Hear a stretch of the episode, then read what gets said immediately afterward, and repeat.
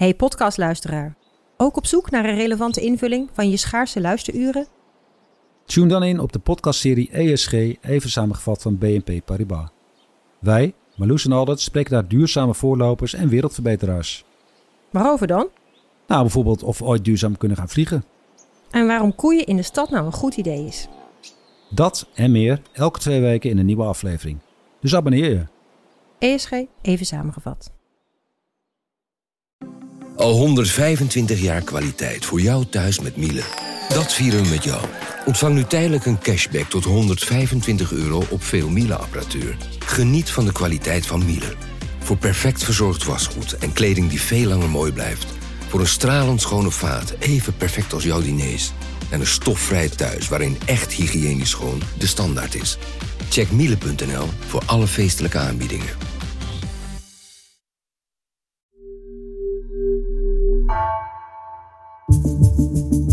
Vanaf de redactie van NRC het verhaal van vandaag. Mijn naam is Floor Boon.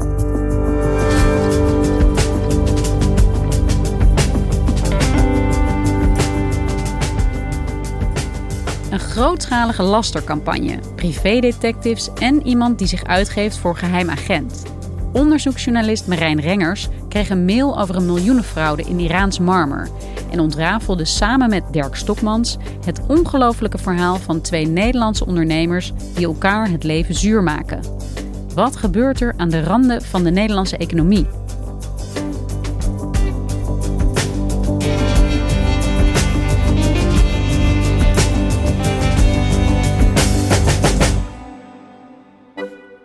Op een vrijdagmiddag, 1 december 2017, eh, was ik aan het werk hier op de NRC-redactie. Ik was een verhaal aan het afmaken voor de dag daarna, voor het weekend.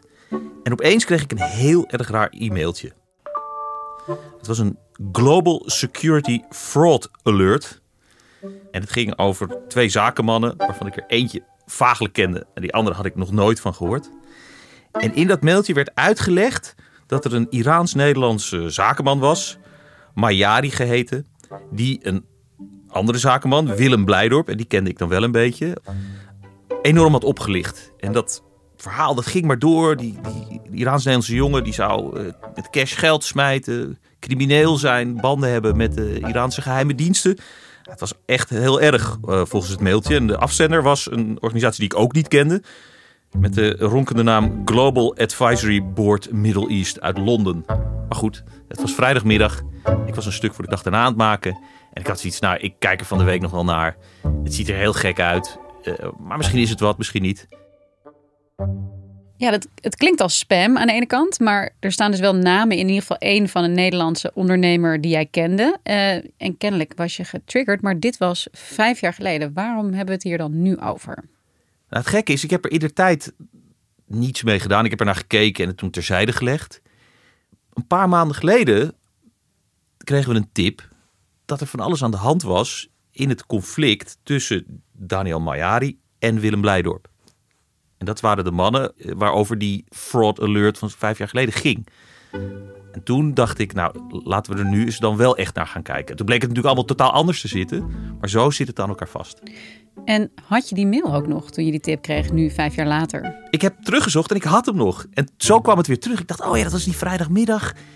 Ik heb er toen naar gekeken. Het was een gek verhaal. En het is ook een heel erg gek verhaal dat ik uiteindelijk samen met mijn collega Dirk Stokmans ben gaan uitzoeken. Nou, nu ben ik natuurlijk heel erg nieuwsgierig. Wat is het verhaal hier dan? Wie is deze man, Mayari, uh, die in de mail wordt aangeduid als fraudeur en die jij dus nog niet kende? Nou, Daniel Mayari is een uh, Iraans-Nederlandse uh, jongen. Hij is gevlucht uit Teheran met zijn moeder toen hij jong was, ergens in Noord-Holland terechtgekomen. Een ondernemende jongen, spreekt perfect Nederlands, spreekt redelijk Farsi. Na zijn middelbare school ging hij de zakenwereld in. En zijn eerste geld verdiende hij met contactlenzen. Hij had een handel in contactlenzen opgezet. Op een gegeven moment plofte dat. Dan had hij nog een heleboel contactlenzen over. Toen dacht hij, weet je wat ik doe? Ik vlieg naar Teheran. En ik ga proberen de restantpartij contactlenzen daar te verkopen. En toen hij in Teheran bezig was met het verkopen van die contactlenzen... kwam hij in contact met mensen die zeiden van... hé, hey, jij komt uit het westen, maar je bent ook een beetje een van ons we hebben hier ook marmermijnen. Zou je niet eens naar een marmermijn willen kijken? En hij ging naar die mijnen. En zo ontstond het idee om Iraans marmer te exporteren naar Nederland en het hier uh, te verkopen aan nou ja, wie het maar hebben wilde. Maar Iran was heel lang en eigenlijk nog steeds een soort paria-staat, uh, waartegen heel veel economische sancties golden vanwege hun nucleaire programma. Was handel niet ook heel moeilijk lange tijd met Iran? Handel met Iran is praktisch onmogelijk. Het is super ingewikkeld. Maar alleen in de tijd, soms heb je een aantal jaar dat het wat meer kan. Dan kan er weer helemaal niets. Uh, je mag op zich wel handelen met Iran, maar geld naar Iran te sturen en geld uit Iran ontvangen is door de Amerikaanse sancties eigenlijk door de hele geschiedenis zo goed als onmogelijk geweest. Dus dat was een van de grote hiccups in het zaken doen met Iran. Maar ja, die had echt er één heel groot probleem. En dat is waar Willem Blijdorp uiteindelijk het verhaal binnenkomt. Hij had geen geld. En hij kon niet naar de bank om een krediet te krijgen om Iraans marmer te gaan exporteren of importeren. Nou, wat doe je dan? Dan ga je het informele circuit van rijke mensen in. Dus je gaat rondvragen, je vraagt adviseurs van... hé hey jongens, ik heb startkapitaal nodig. Is potentieel heel lucratief, maar het is wel een beetje ingewikkeld in verband met alle sancties. Heeft er iemand een heleboel geld op de plank liggen met wie ik samen een, een bedrijf kan beginnen om dat marmer naar Nederland en vanuit Nederland de wereld in te krijgen? Nou, een van de mannen, en dat, bij wie die uiteindelijk uitkwam, was Willem Blijdorp. Een steenrijke ondernemer, de beursgenoteerde vennootschap, groot geworden in de handel in tax-free artikelen. En Blijdorp had zoveel geld, die had ook nog wel nou, niet een beetje, maar tientallen miljoenen op de plank om te investeren in Mayari. Willem Blijdorp, je noemde hem in het begin. Jij zei ook al, ik kende hem wel eigenlijk als Nederlandse uh, zakenman, uh, multimiljonair dus ook. Wie is dit? Kunnen mensen hem kennen? De meeste mensen kennen hem niet. Dat komt omdat hij vooral in de groothandel zit. Maar hij heeft een groot beursgenoteerd bedrijf, dat heet de BNS Group. En zijn vermogen wordt door het zakenblad Quote geschat op ongeveer 1 miljard euro. Dus het is wel iemand die ertoe doet in het Nederlandse zakenleven, maar alleen die niet zo zichtbaar is. Willem Blijdorp is een man die is voor de duivel niet bang. Die durft echt heel veel. En daar wordt hij ook wel om geroemd. Zo heeft hij onlangs bij Nijrode een eredoctoraat gekregen. Toen heeft hij daar ook, toen hij die in ontvangst nam, uitgebreid zijn visie op ondernemerschap en op zijn durf in het verleden uit de doeken gedaan. Terugkijkend moeten we ook kunnen zeggen we hebben het gedurfd, we hebben het gedaan, we hebben het gecreëerd, we hebben het goed gezien en het was de investering dubbel en das waard. Durf is volgens mij dan ook een belangrijke voorwaarde voor succesvol ondernemen. Hij durft geld te stoppen in projecten waar anderen waarschijnlijk voor weg zouden lopen. Dat zie je ook zodra hij wat verdiend heeft, begint hij te investeren, bijvoorbeeld in prostitutiepanden in Groningen, samen met een aantal vennoten. Nou, dat is ook handel Mag het? Ja, het mag. Is het heel netjes? Nee, dat niet. Is er veel geld mee te verdienen? Zeker. dat kenschetst Willem Blijdorp. Hij is altijd op zoek naar uh, zaken die lucratief zijn, waar anderen misschien voor weglopen, maar waar je met veel lef en uh, ook wel een, nou ja, niet een heel erg scherp afgesteld moralistisch kompas zaken kan doen. Een beetje op het grijze gebied, misschien zou je kunnen zeggen. Uh, wel heel erg succesvol en ook legaal. Wat gaan Willem Blijdorp en deze uh, Mayari voor elkaar betekenen? In het begin betekenen ze bij wijze van spreken alles voor elkaar. Want Blijdorp, die altijd in het grijze gebied uh, heeft geopereerd, steekt uiteindelijk 70 miljoen euro in de gezamenlijke onderneming die hij met Mayari opricht. Die, en die, met van die 70 miljoen moet Mayari die mijnlicenties verwerven in Iran. En gaan ze samen een heel bedrijf opzetten dat... Nou ja, er moet natuurlijk heel veel gebeuren. De marmer moet gezaagd, moet geëxporteerd. ze bouwen echt aan een bedrijf. Het idee was van Mayari en Blijdorp... we beginnen een gezamenlijk bedrijf. En dat bedrijf gaat heel veel winst maken. En van die winst gaat Mayari Blijdorp zijn leningen terugbetalen. Maar even stapje terug. Ja. Uh, ze gaan naar Iran, daar gaan ze uh, marmermijnen verwerven. Hoe kan dat? Hoe kun je mijnen aankopen überhaupt als je niet mag handelen met Iran? Nou, dat is de klus die Mayari heeft. Hij heeft nu geld van Blijdorp, maar dat geld moet op de een of andere manier naar Iran. En daar bedenkt hij allemaal trucs voor. Eentje is dat hij bijvoorbeeld met koffers geld naar Iran vliegt. Maar hij rijdt er ook dure auto's heen. Dus hij verzint allerlei trucs om geld naar Iran te krijgen. Om daar eh, de raderen te, doen draaien en die licenties in handen te krijgen. Is nog een probleem. Hoe kom je aan heel veel contant geld? Je kan niet naar de bank hier in Nederland met je pasje een ton in bankbiljetten op gaan halen. Want dan uh, gaat iedereen heel raar naar je kijken en je krijgt het niet mee. Eén ding wat Mayari, jong, durfde ook veel, deed, was hij ging naar het casino in Zandvoort, Holland Casino. Hij pinde daar met zijn company creditcard voor een enorm bedrag aan fiches. Dan dronk hij een kopje koffie. Hij zette één fiche in. Aan het eind van de avond wisselde hij al die fiches weer in voor contant geld. En zo kwam hij aan grote hoeveelheden cash.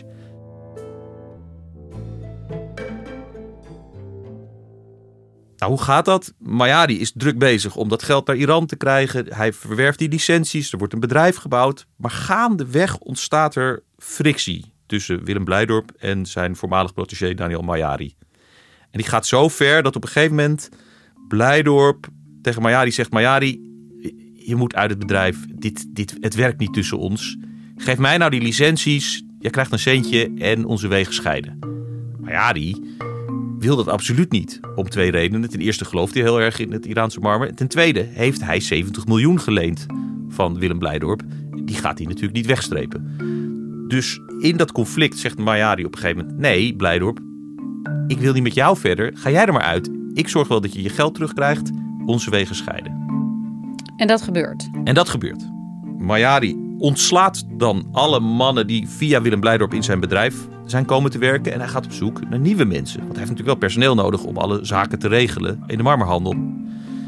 Een van de mannen die hij binnenhaalt is Emad Moersi. Een volgens zijn cv fantastische salesman die aan de slag gaat om marmer te verkopen voor Mayari in de wereld. Maar er gebeurt nog iets vanaf het moment dat Moersi binnenkomt. Er ontstaat geroddel. Mayari hoort gekke dingen. En op een gegeven moment wordt hem duidelijk dat er iets heel ergs gaat gebeuren. Maar hij begrijpt het maar niet. Wat, wat staat er te gebeuren? En dan opeens, pats, is daar in 2017 een global fraud alert over hem. Ja, dat is die lastercampagne waar je dit verhaal ook mee begon. Die mail van vijf jaar geleden. Is er duidelijk wie hierachter zit? Nou, dat is een van de dingen die Mayari met heel veel inspanning uh, heeft uitgezocht de afgelopen jaren. Hij vraagt natuurlijk aan Moersi, hey Moersi, weet jij hier iets van? Maar Moersi wast zijn handen in onschuld in eerste instantie. Maar dan, hij blijft maar zoeken en speuren. Hij huurt privédetectives in, hij zet er advocaten op. En stukje bij beetje wordt hem duidelijk, in eerste instantie, dat Moersi degene is die achter die lastercampagne zit. Hij blijft die verder zoeken. En voor hem wordt het steeds duidelijker dat waarschijnlijk Willem Blijdorp de opdrachtgever is van Moersi. Dat is hoe Mayari het ziet. Maar eenmaal Moersi ontkent in alle toonaarden dat Willem Blijdorp daarachter zit. En Willem Blijdorp ontkent dat ook. Dus dat is een van de dingen die nog open ligt. Ja, want Emad Moersi is dus degene die de lastercampagne uitvoert. Zijn daar ook harde bewijzen van? Er zijn harde bewijzen van. Uh, Mayari heeft allerlei privédetectives ingehuurd. Die hebben opnames gemaakt. Die hebben wij ook. En daar kan je gewoon horen dat Moersi erop aanstuurt dat Mayari op het internet totaal zwart gemaakt wordt. Het is deels stiekem opgenomen audio door weer een privédetective. Dus daardoor hoor je heel veel geruis en gerommel. Uh, dit is mijn werk, mensen kapot maken. De opdracht was kapot maken bedrijven, even out of business. Daarna is een heel ecosysteem, support systeem, zaken doen, leveranciers, et cetera. En daarna jij jezelf, je familie, je moeder vooral, et cetera. En je kan ook horen hoe hij die lastencampagne gebruikt om druk te zetten op Mayadi. Door hem in de cc te zetten bij allerlei mailtjes aan klanten, aan journalisten. Het is echt een pure op de man gespeelde lastencampagne. En later heeft hij dat, na heel veel procederen, ook in de rechtbanken toegegeven. En hij is ook bij NRC langs geweest en heeft het ook aan mij verteld. En wat vertelt hij? Wat is zijn verhaal? Hij komt binnen, hij vertelt zijn verhaal over zijn geschiedenis. Dat hij familie is van een Egyptische president. Dat hij geheim agent is. Hij legt drie telefoons voor zich op tafel. En hij zegt, ik heb die lastencampagne georganiseerd. Hij zegt daarbij, ik deed het zeker niet in opdracht van Willem Blijdorp. Maar, zei hij, toen hij hier op de redactie kwam... ik deed het in opdracht van de geheime diensten. Maar ik kan niet zeggen welke. Uh, maar Marijn, dit klinkt allemaal wel heel erg filmisch bij elkaar. Alsof alles wel heel erg goed samenvalt. Dit is allemaal echt gebeurd. Dat is het krankzinnige. Het, het, als je het ziet is het net een filmscript. Nou, bedenk wel, het is allemaal gebaseerd op feiten. Het, het is gebaseerd op gesprekken, on the record, op oude stukken, rechtbankstukken, stukken in de krant. Dus in die zin, ja, het verbaast mij ook. Maar dit, het is geen roman, het is journalistiek.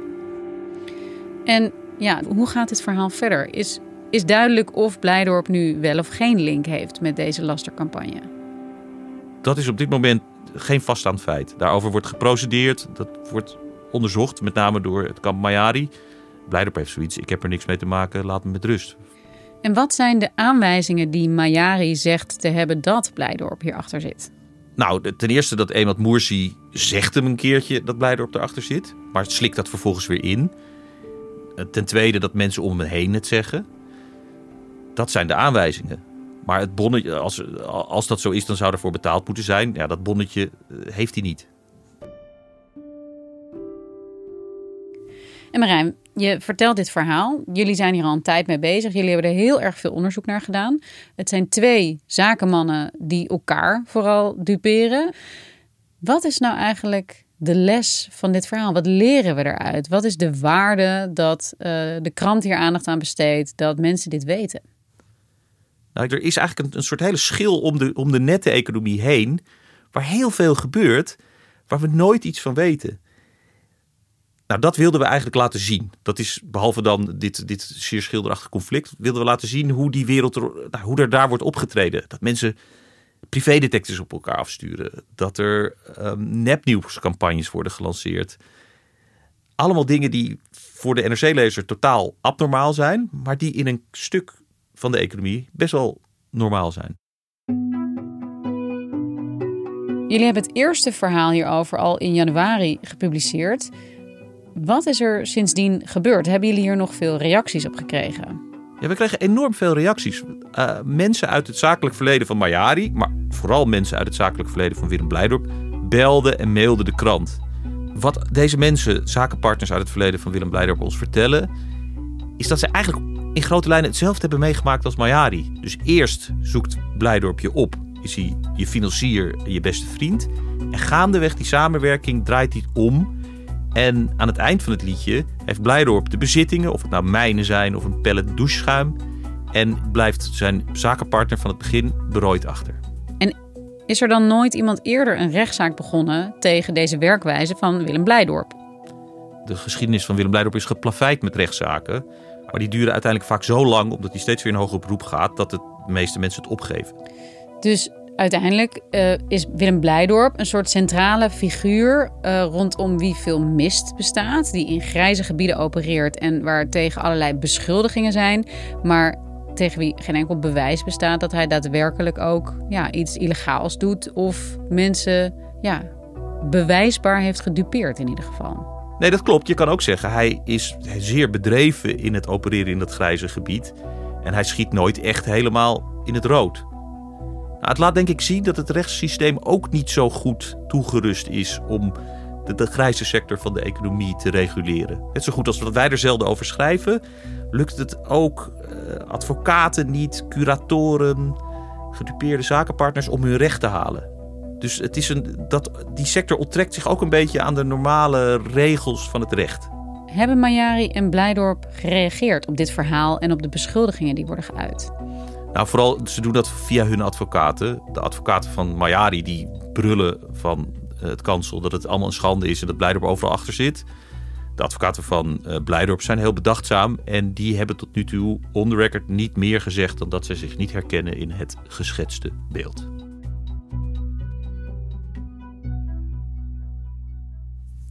Dankjewel Marijn. Graag gedaan.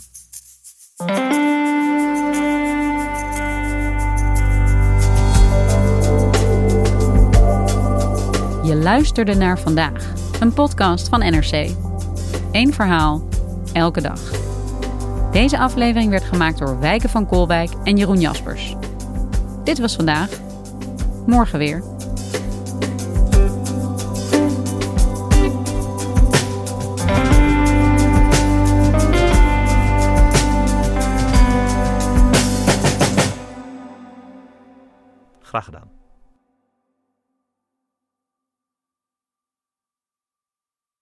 Technologie lijkt tegenwoordig het antwoord op iedere uitdaging. Bij PwC zien we dit anders. Als we de potentie van technologie willen benutten, kunnen we niet zonder een menselijk perspectief. Human-led, tech-powered noemen we dat. Ga naar pwc.nl.